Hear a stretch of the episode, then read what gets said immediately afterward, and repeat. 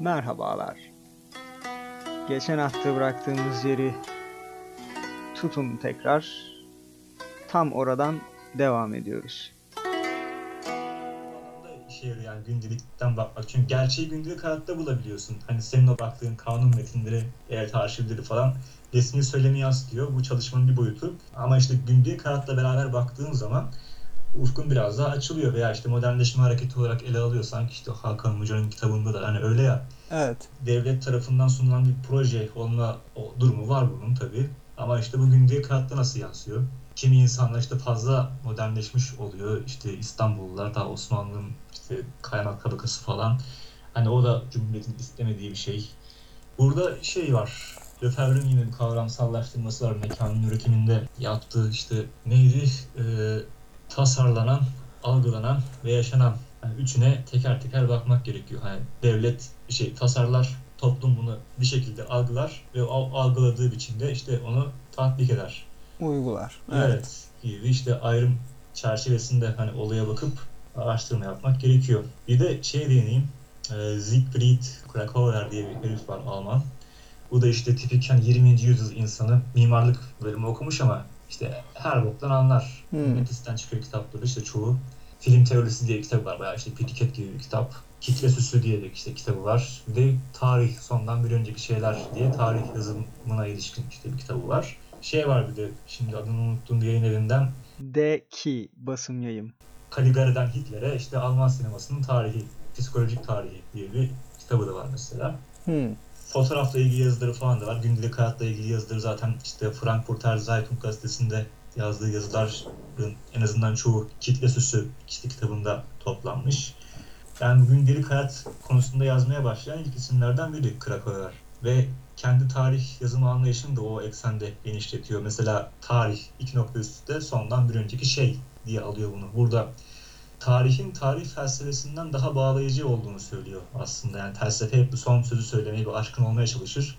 Ama tarih dediğin şey yaptığın araştırmaya, araştırmanın içeriğine, bulduğun kaynaklara göre değişkenlik gösterir. Bilgi değişebilir falan.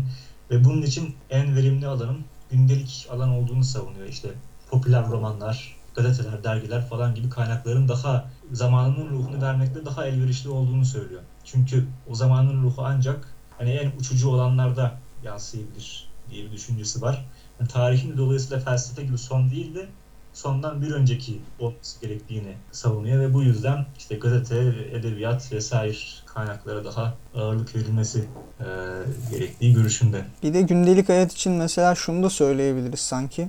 Bunu sanırım Zizek e, bir yerde bahsediyordu. Mesela bir devrim e, şayet olacaksa veya o tür bir değişiklik böyle radikal bir değişiklik olacaksa bu gündelik hayatta olmalıdır diyordu mesela. Hani yani ve mesela kötüye gidiş mesela bir kötüye gidiş olabilir. Ben tüccarımdır bakkalımdır. Hani benim tekerleğim dönüyordur yine. Hani 3 aşağı 5 yukarı hani aynı parayı kazanıyorumdur. Yani benim gündelik hayatıma pek bir etkisi olmuyordur. Ama işte bir takım şeyler kötüye gidiyordur ve buna sessiz kalman çok hani normal çok e, olağan olabilir. Çünkü gündelik hayatında bir şey değiştirmediği zaman hani o etkiyi çabucak benimseyebilirsin yani.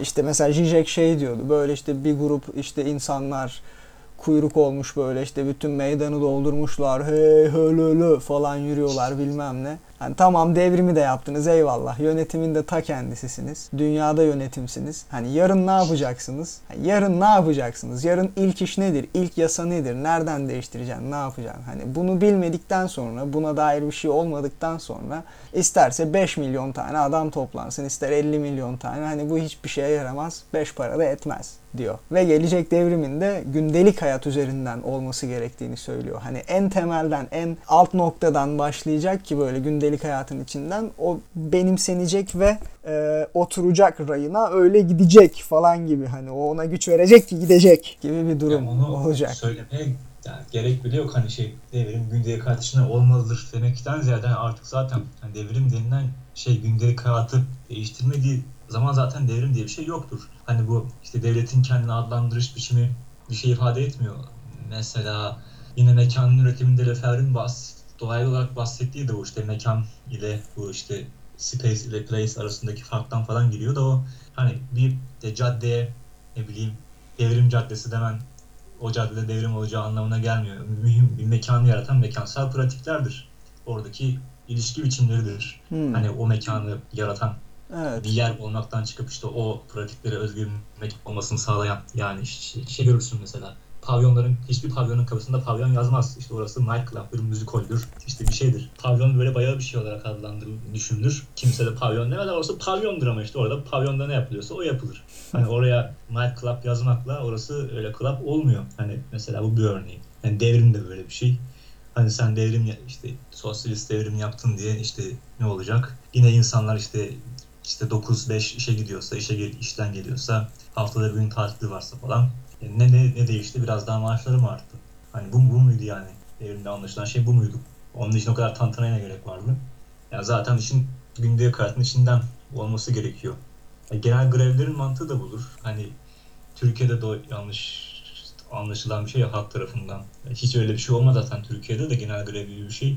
Amaç nedir? Yani üretimden gelen gücü göstermek değil mi işte hani bizim sayemizde işte işler dönüyor, şehirde akış sağlanıyor, ulaşım oluyor, üretim oluyor, işte çöpler toplanıyor falan. Biz bunu bir gün durdurursak hayat felç olur. Evet. Bu gücümüz var. Bakın durduruyoruz. Ne kadar önemli bir rol oynadığımızı görün toplumda. Ona göre işte bizim yaşam koşullarımızın değişmesi lazım. Bir talep var. Ya, Türkiye'de bu nasıl anlaşılıyor? Ya, genel grev olursa hayat durur ya öyle şey mi olur? Hani onu daha kısmını yapalım. Lan zaten işte vatandaş mağdur olur o zaman. Ya, zaten amaç o. Yani biz mağdur oluyoruz o zaman siz de mağdur olun gibi bir algıdan ötürü olur zaten genel grev. İşte son çare olarak işte çığlık gibi bir şey. Ee, yine gündelik hayattan geçebiliriz Oktay Özel'in kitabına. O da nitekim şöyle bir şey diyordu. Evet bugünden bakınca işte 16. yüzyıl, 17. yüzyıl Osmanlısı işte şöyle gözüküyor, böyle gözüküyor ama bir de mesela oradaki hani o zamanda yaşayan bir insanın gözünden baktığımız zaman görünen nedir acaba? Ee, hani Zaten bu da hani bu da önemlidir Yani gündelik önemli hayat çerçevesinde. Olduğunun artık anlaşılması gerekiyor. Bu hala da çok farklı değil gibi de belki eskiden daha fazlaydı. Yani bu tarihe yani gündelik hayat açısından bakmak yani küçümsenen bir şey idi. Hala da bir ölçüde öyle sanırım. Artık hani tam tersi bu gündelik hayat açısından bakanların yani savunmadan saldırıya geçmesi gerektiği düşüncesi yani söylem olarak da yani işte hep gün, gündelik hayatta ne bileyim iktidar kadar önemlidir falan demek yani artık asıl daha önemlidir. Çünkü pratikte yaşanan budur. Asıl sizin yaptığınız yersizdir, boştur falan diyebilmek gerekiyor. Çünkü ya saray açısından baktığında ya işte yani uzmanlık alanı olabilir ayrı bir şey. Ama hani sen bunun daha önemli olduğunu iddia ediyorsan bu sefer verilecek cevap şu olmalı. Askeri sınıf yani Osmanlı'da işte iki sınıf vardır söylemsel olarak. E, Leaya ve askeri sınıf. Hani Leaya köylüdür. Onun şeyi de yoktur. e, hareket etme kabiliyeti yani işte mobilizasyon kabiliyeti hem teknolojik şartlardan dolayı hem de öyle hukuki bir hakkı da yoktur. Köyünü terk ederse işte 20 yıl kalırsa gittiği yerde ancak orada kalmaya devam etmeye hakkı olur falan. Bir de askeri sınıf vardır. Bu işte bürokrasidir. İçinde askerler de vardır. İşte ulema da vardır.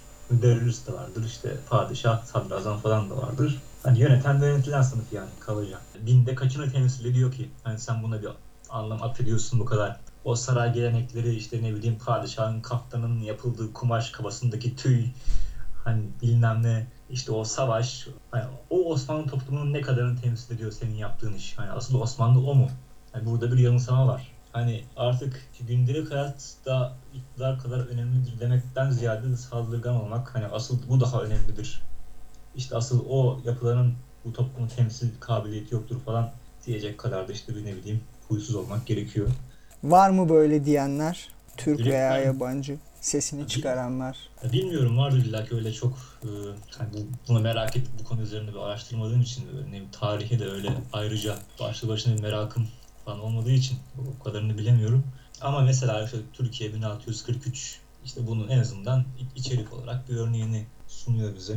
Orada işte bunun üç katmana ayrıldığını görüyoruz. İşte Oktay Özel 1988-9 ile 93 ve doktora Evet. tezini yazıyor. Bu mevzuya da girmiş olduk nihayet. Yani şey de o, onun görevi Hacettepe Üniversitesi Tarih Bölümündeydi, öyleymiş. Yani 88'de Manchester'a gidiyor. İşte hem asıl amacı İngilizcesini geliştirebilmek, bir yandan da işte 16. yüzyıl Osmanlı tarihi alanında işte bir tez yapacak. Daha tam kafasında bir şey yok. Ama bir kaynak bulmuş kendine. İşte Amasya'nın 1643 tarihli Avarız Defteri üzerinden bir çalışma yapmak niyetinde. Burada işte Avarız Defteri nedir? İşte bu klasik dönem değil. 16. 17. 18. yüzyıla kadar en azından işte yapılı, yapılan Osmanlı tarihi çalışmalarında kullanılan bazı başlıca kaynaklar var. Tahrir defteri bunlardan biri. İşte Osmanlı fethettiği yerlerde önce bir tahrirat yapar. Yani tahrir yazın, yazın demek kelime anlamıyla. Ama oradaki amaç hani oradaki tarım arazilerini ve o tarım arazisi üzerinde yaşayan insanları saptamak. İşte kaç dönüm toprak var, ne kadarı ekilebilir, ne kadar işte erkek, erkekleri sayıyor tabii sadece. Çünkü onları hem askeri alacak geri geldiğinde hem onlar vergi mükellefi olacaklar. İşte kaç erkek var, kaç yetişkin erkek var, kaç böyle ergenlik çağında yeni yeni gelişen erkek var, kaç dönüm arazi var, işte her haneye ne kadar düşüyor ortalama. Oradan ortalama bir vergi miktarı çıkaracak. Bunların olduğu defterlere tahrir defteri deniyor. Mühim defterleri var. Bunlar Divan-ı Hümayun'da alınan kararların kaydedildiği işte defterler yani meclis sabıtları gibi bir şey. Yani hükümet kayıtları. Divan-ı Hümayun'da çünkü işte bakanlar şimdinin tabiriyle o zaman için nazırlar işte vekil ülkeler falan toplanır. Avarız defterleri de yine vergiyle alakalı. Aslında avarız vergisi tam yılını bilmiyorum da savaşlar bitmek bilmediği için Osmanlı'da geçici olarak köylüden hani normalde alınan vergilere ek olarak geçici olarak işte o zamanki savaşlar bitene kadar alınsın diye konulan bir ek vergi. Fakat savaşlar hiç bitmediği için o vergi zamanla kalıcı hale gelmiş ve avarız vergisi diye öyle bir ek vergi haline gelmiş. Bu avarız da genel olarak işte bir vergi defteri haline gelmiş ki zaten o klasik tımar sistemi, toprak sistemi de çökünce tahrir defterleri de çok gerçeği ifade etmez olmuş. O yüzden iş zamanında daha çok avarız defterlerine kalmış anladığım kadarıyla. O 1643 tarihli Amasya'nın avarız defteri de böyle bir şey. Ee, hani şöyle bir tuhaflık işte varmış. Hani içinde defterin vergi mükellefleri falan var da hem işte çok tenha görünüyor ortalık hem de çok az ayrıntı var. Acaba bu niye böyle? Hani bu tahrir defteri gibi değil ama diğer avarız defterleri gibi de değil. Acaba bu niye böyle diye bir soru oluşmuş Oktay Hoca'nın kafasında. İşte o tarihe yakın, o bölgeye yakın diğer defterleri işte tahrir defterlerini falan incelemeye başlamış. Nasihatnamelere bakmaya başlamış sanırım işte o dönemde işte padişaha yazılan raporlar gibi işte efendim böyle böyle yolsuzluk var aldı başını yürüdü falan gibi şeylere falan külliyata işte başvurmuş vesaire. Yani ve o dönemde anlaşılıyor ki zaten işte 17. yüzyıl yani dünyanın genelinde bir iklim dönüşümü var. Küçük buzul çağı denilen. E, tarımda verim son derece azalmış. Dolayısıyla işte halk yoksul, aç falan kalmış. E, sürekli vergi de alınıyor.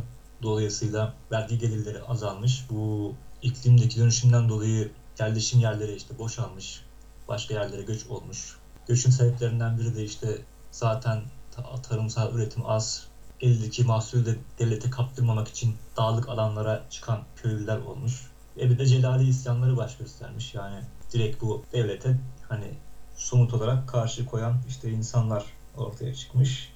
Öte yandan o bölgenin bazı bölgelerin yerel yöneticileri işte kaymakam, subaşı, işte dirlik sahibi falan kimse artık zaman zaman onlar da İstanbul'a karşı bir siyasi güç olarak bu Celali hareketini desteklemişler, lider olmuşlar. Öte yandan ne bileyim Kanuni'nin, Manuni'nin, şunun bunun oğulları şehzade arasındaki kavgalarda da işte bazen bu Celali çeteleri taraf durumuna gelmişler. Siyasi kutuplaşmalar olmuş. Yani sürekli bir yani hem siyasi sebeplerden hem açlıktan işte hem iklimdeki dönüşümden hem bu yerel beylerin arasındaki çatışmadan dolayı işte sürekli bir iç savaş ve açlık hali var. 16. 17. yüzyıl boyunca Osmanlı'da. Hmm. Yani Oktay Hoca'nın işte resmini çizdiği şekilde. E, dolayısıyla buradaki sınırlar, işte yaşayan insanlar, toprak işte üretkenliği, hangi hanelerin hangi toprağa sahip olduğu vesaire hep bir değişkenlik içinde. Ve işte bu defterden, bu defterin niye böyle eksik bilgiler içerdiği işte biraz geriye dönük ve bu geniş yani ne bileyim iklimsel araştırmalar falan da işin içine girince hani dünya çapında yapılmış. Yani böyle bir sonuca varmış. E, bu da bundan da neyi görüyoruz yani işte sırf sarayın gözünden baksan bu işe işte bozuldu. İşte her millet yozlaştı. Eskisi gibi değil. Hep işte İslam'dan uzaklaştık o yüzden böyle oldu. İşte halk vergi vermiyor. Demek ki işte adaletsizlik var falan gibi e, bir görüşe hani kapılabilirsin iktidarın gözünden baktığında. Ama daha geniş bir perspektiften bir de yerelden baktığında mevzuya başka bir şeyle karşı karşıya kalıyorsun. Hani neyi görüyorsun? Ee, yani bir kere işte oradaki feodal ilişkileri görüyorsun. Birçok insan işte reddeder Osmanlı'da feodal ilişkiler olduğunu. Yani zaten şey yok hani Hmm. birebir Avrupa'da olduğu gibi bir feodaliteden bahsetmek söz konusu değil. Ya bunda hep şöyle derler işte.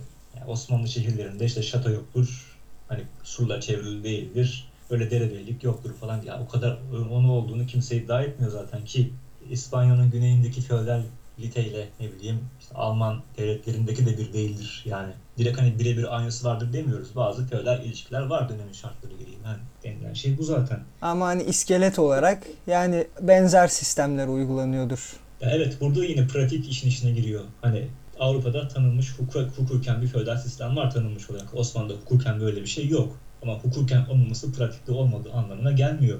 Hani oradaki yerel iktidar temsilcileri hukuken devlet memuru konumunda. E, hukuken padişah o toprakların sahibi falan ama pratikte ne oluyor? İşte o tımar sahibi ya o beylerbeyi o her kimse e, pratikte ölünce onun yerine oğlu geçiyor. Veya işte köylü bunlara borçlanıyor. E, o borcu binaen bu adam toprağını büyütüyor. Orada işte bir malikane sahibi oluyor. Yani dolayısıyla o yüzden yerel hanedanlardan bahsediliyor. İşte hanedan kelimesi de kullanılıyor. Yine o kitapta da geçiyor. İşte Amasya hanedanından şu. Yani eşraf oranın ileri gelenleri. Yani hanedan olarak Evet. anılıyor bunlar. İşte oranın tüccarı olur, yaşlısı bilmem kimi. Evet. Zaten Nüfus sahibi. Ayan, ayan diye anılacak işte insanlar ki işte birinci ve ikinci meşrutiyette işte ayan meclisine girecek yani senatoya girecek yani insanların çekirdeğini oluşturuyor bunlar. Bir takım mütegallibe falan diyebileceğim. Daha sonra işte CHP'nin de çek- çekirdeğini oluşturan insanlar. Yani kabaca bir süreklilik çizmek istersen yani. Evet. Ya böyle bir şey hani Türkiye 1643 kitabı. Burada hani kitabın özelliğini hem o dönem Türkiye'de işte tarihçiliğin nasıl yapılmakta olduğunu, işte biraz nasıl çürümüş olduğunu, biraz işte o dönemin siyasi gündemini Türkiye'de bir yandan işte bu Osmanlı çalışmaları nasıl olur, kaynakları nelerdir bir yandan işte biraz da çalışmanın içeriğinde neler var gibi işte üç ayrı katmanda anlatılmış bir kitap. Öte yandan işin başka bir boyutu da var. Şu öbür yazıyı okumuştum biraz galiba. Akademiye bir ağır mıydı neydi? Hı hı. Mesela konuşan kafa olmayı seçmiş bazı akademisyenler var. İşte ESG bunun için Emrah Safa Gürkan'dan bahsediyor. YouTube'u mecra olarak seçti. Hani İlber Ortaylı çok uzun zamandır televizyonlarda işte dolaşıyor. Keza işte Celal Şengör başlıcaları bunlar. Üniversite ve akademiya hüzünlü bir yok oluş hikayesi. Bu arada yazının adı. Evet. Birikimde çıkmış 2017 yılında. Benim özellikle dikkatimi çeken e, şey oldu. İşte üç vahim olaya tek cevap sessizlik, suskunluk diye. TÜBİTAK'ın kitap yakması Kasım Aralık 2015, barış bildirisi olayı Ocak 2016 ve darbe girişimi sonrası üniversitelere KHK'lı müdahaleler. Bunlar sonrasında işte sessiz kalındığını ve sadece akademisyenlerin de değil. Hani bir de zaten cümle e, yazının sonunda burjuvazimizde mi yok muymuş gibi bir şey söylüyor. Hani sadece akademisyenler değil yani aklı selim sahibi insanların hepsinden cevap gelmesi gerekir böyle bir şeye. Burada tabii şeye giriyoruz artık. Akademi de yine orada da bir iktidar vardır. Öyle kafanı estiği gibi bir şeyler yapamazsın. Sen mesela doktora tezini Osmanlı'da homoseksüellik üzerine yapıyor olsaydın hani sana orada bir şey verirler miydi veya ne bileyim hani onu yayımlamana izin verirler miydi? Hani mesela müzelerde böyledir.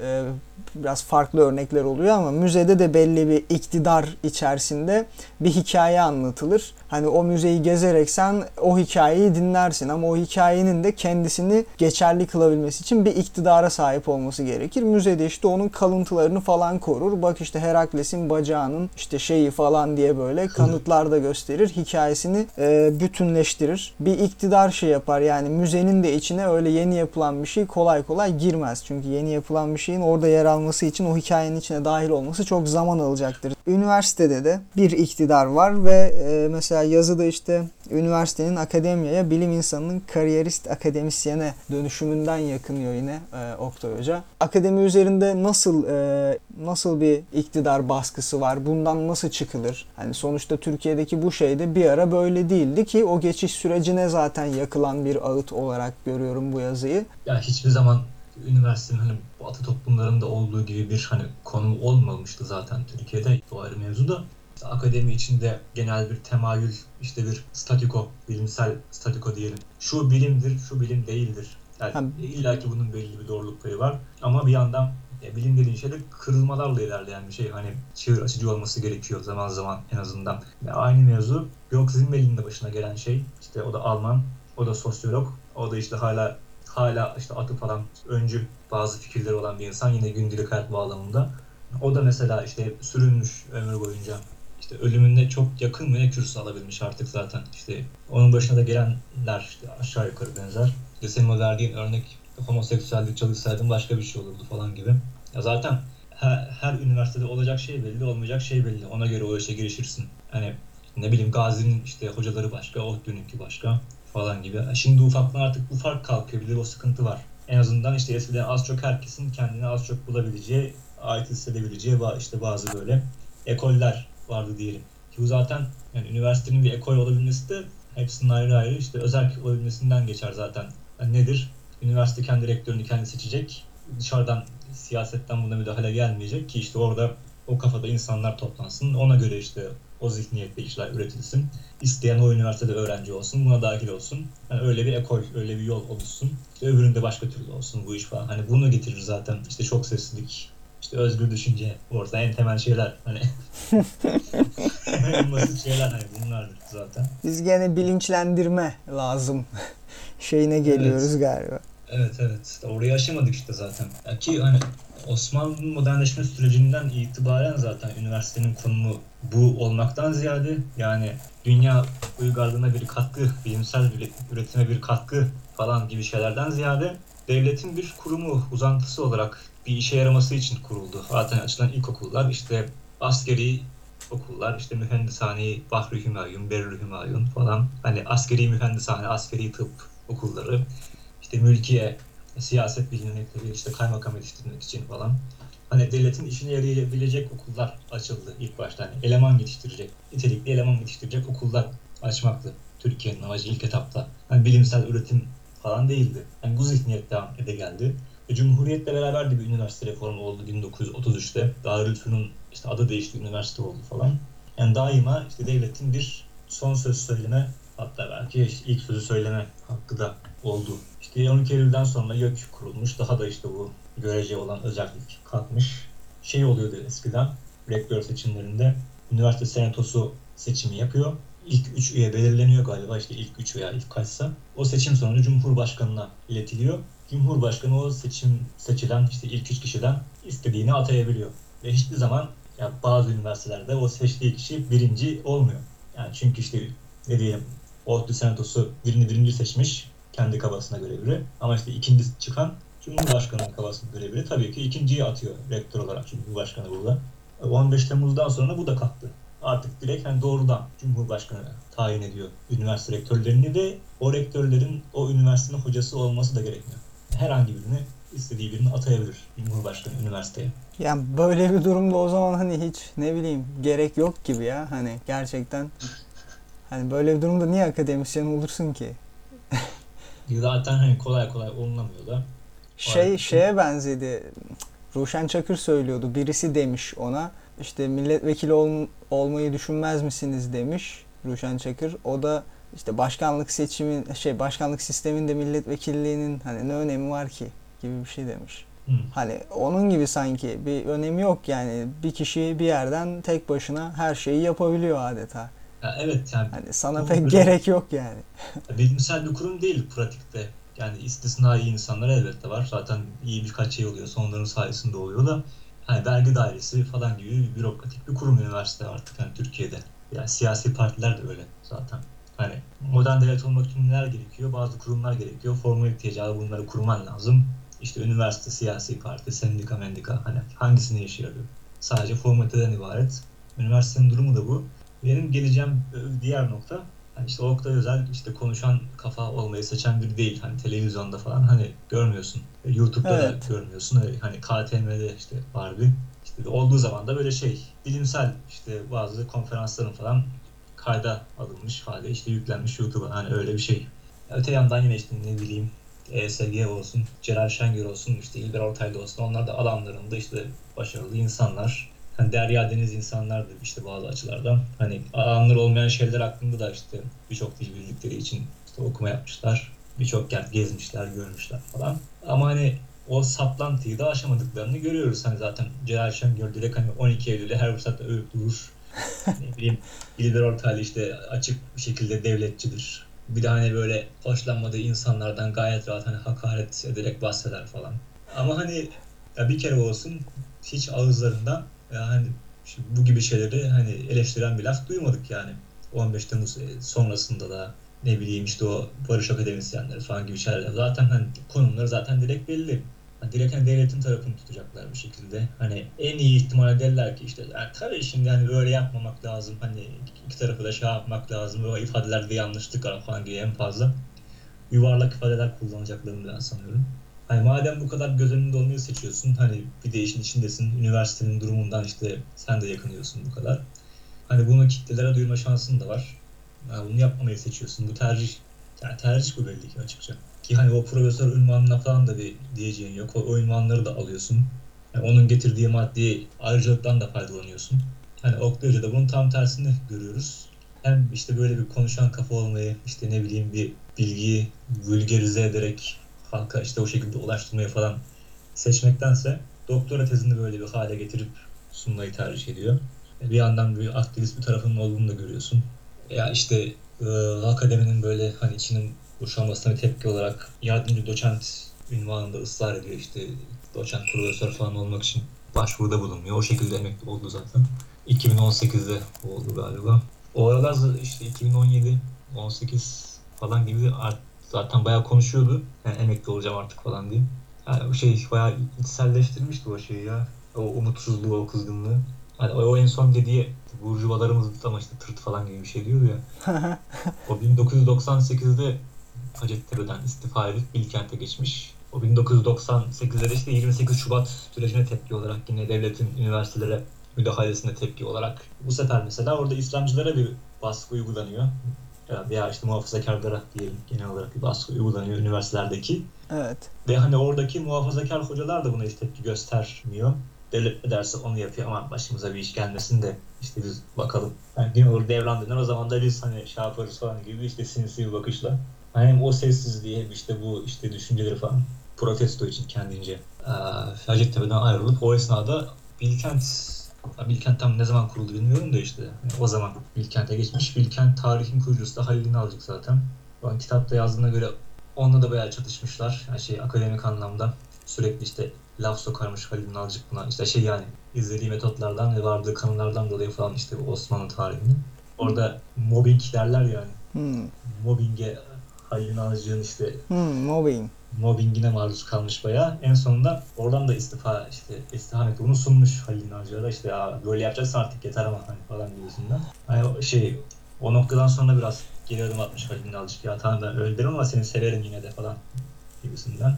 Öyle biraz gerilimli bir ilişkileri olmuş. Ama şimdi geldiğimiz noktada hani artık şu duruma hadi devlet üniversiteleri zaten devlet kurumu. Hani o hadi onların bir şey deme şansı yok diye kabul edelim. Yani peki özel üniversiteler sizin arkanızda kendi sermaye gücünüz var. Bu da mı size bir özgürlük alanı tanımıyor?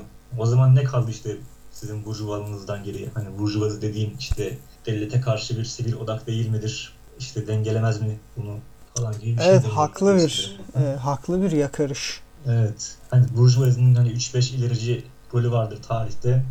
Hani bunlardan biri de bu işte devlet baskısına karşı gelmekse hani o da yoksa ya artık hani sizden ne bekleyeceğiz? De, demek ki burada hani Burjuvazi'den de bahsedemiyoruz. Bir şey oligarşi falan demek lazım. Hani devletten nemalanan bir zengin kesim. Evet o yüzden zaten karşı gelemiyor. Demek ki bir e, birliktelik var ki Ya zaten bir şey, eklemlenme. Yani evet. Ya Türkiye'de e, epeydir belki de hep olan şey buydu da şimdi artık bayağı ayyuka çıkmış görünüyor.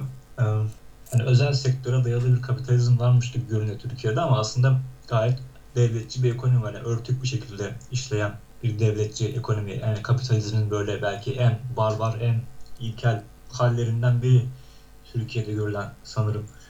Yani şey kapitalist ekonomide üretim ne için yapılır? Kar etmek için değil mi? Yani burjuvazi kar etmek için üretir. Kar etmeyeceği şey üretmez. Çünkü amacı burada para kazanmaktır. Hani Evet. dolayısıyla hani otomobil üretecek sermayedarlar bunun fizibilitesini yapar. İşte o pazar uygundur. Buradan şu kadar para gelir. Ha işte attığımız taş, ürküttüğümüz kuşa değer o yüzden üretelim falan derler.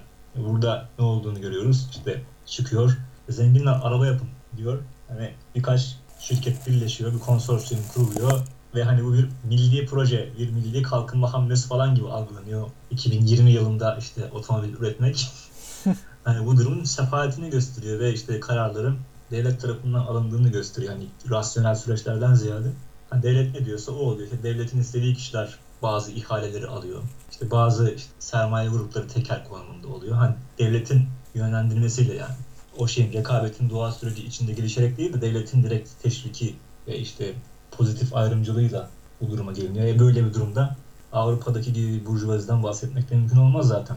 Direkt hani devlete bağımlı olmuş oluyorsun. Hani arkalanıyorsun devletten.